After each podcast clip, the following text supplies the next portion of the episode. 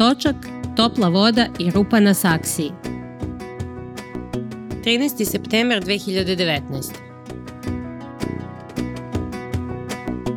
Slušanje ljudi koje nema ko da sluša moglo bi da se podvede po društveno koristan rad. Često se pitam kako da doprinesem društvu, a da to ne bude neki politički angažman koga se grozim ili neki moralni bypass kao udeljivanje milostinja s prosjacima ili doniranje azilu za životinje. Tragajući za svetačkim aktivnostima, slučajno sam otkrila talenat za slušanje baba po mogućnosti udovica.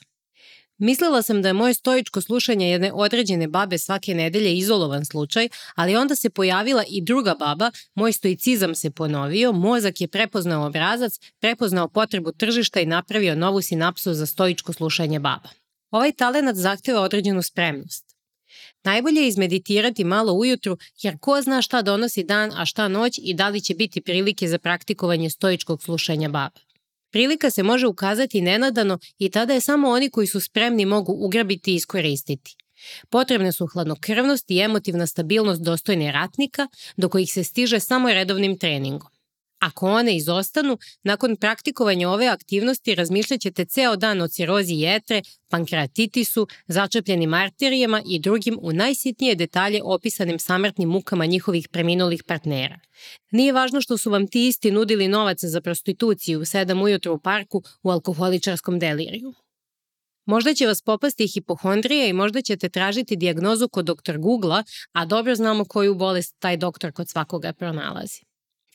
Zato treba biti spreman i stoičan. Samo propustiti kroz sistem bez pružanja otpora, bez podpitanja, kačenja za emotivne kuke, bez emotivnog rada.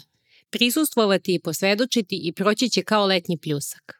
Baba će produžiti dalje kao i vi, osim ako niste u srodstvu, ona se rasteretila i produžila sebi život za jedan dan, a vi ste učinili dobro delo. Ako to posmatrate kao društveno koristan rad, vi i baba ste u win-win situaciji. Zašto stoički slušati babe? Zato što su babe generalno ok i zato što su same. Zato što se često ispostavi da ih te čede o kojima su toliko brinule nisu baš dobro tretirale u životu i zato što se na taj način moraju učiti lekcije o vaspitavanju žena i vaspitavanju muškaraca u našem društvu.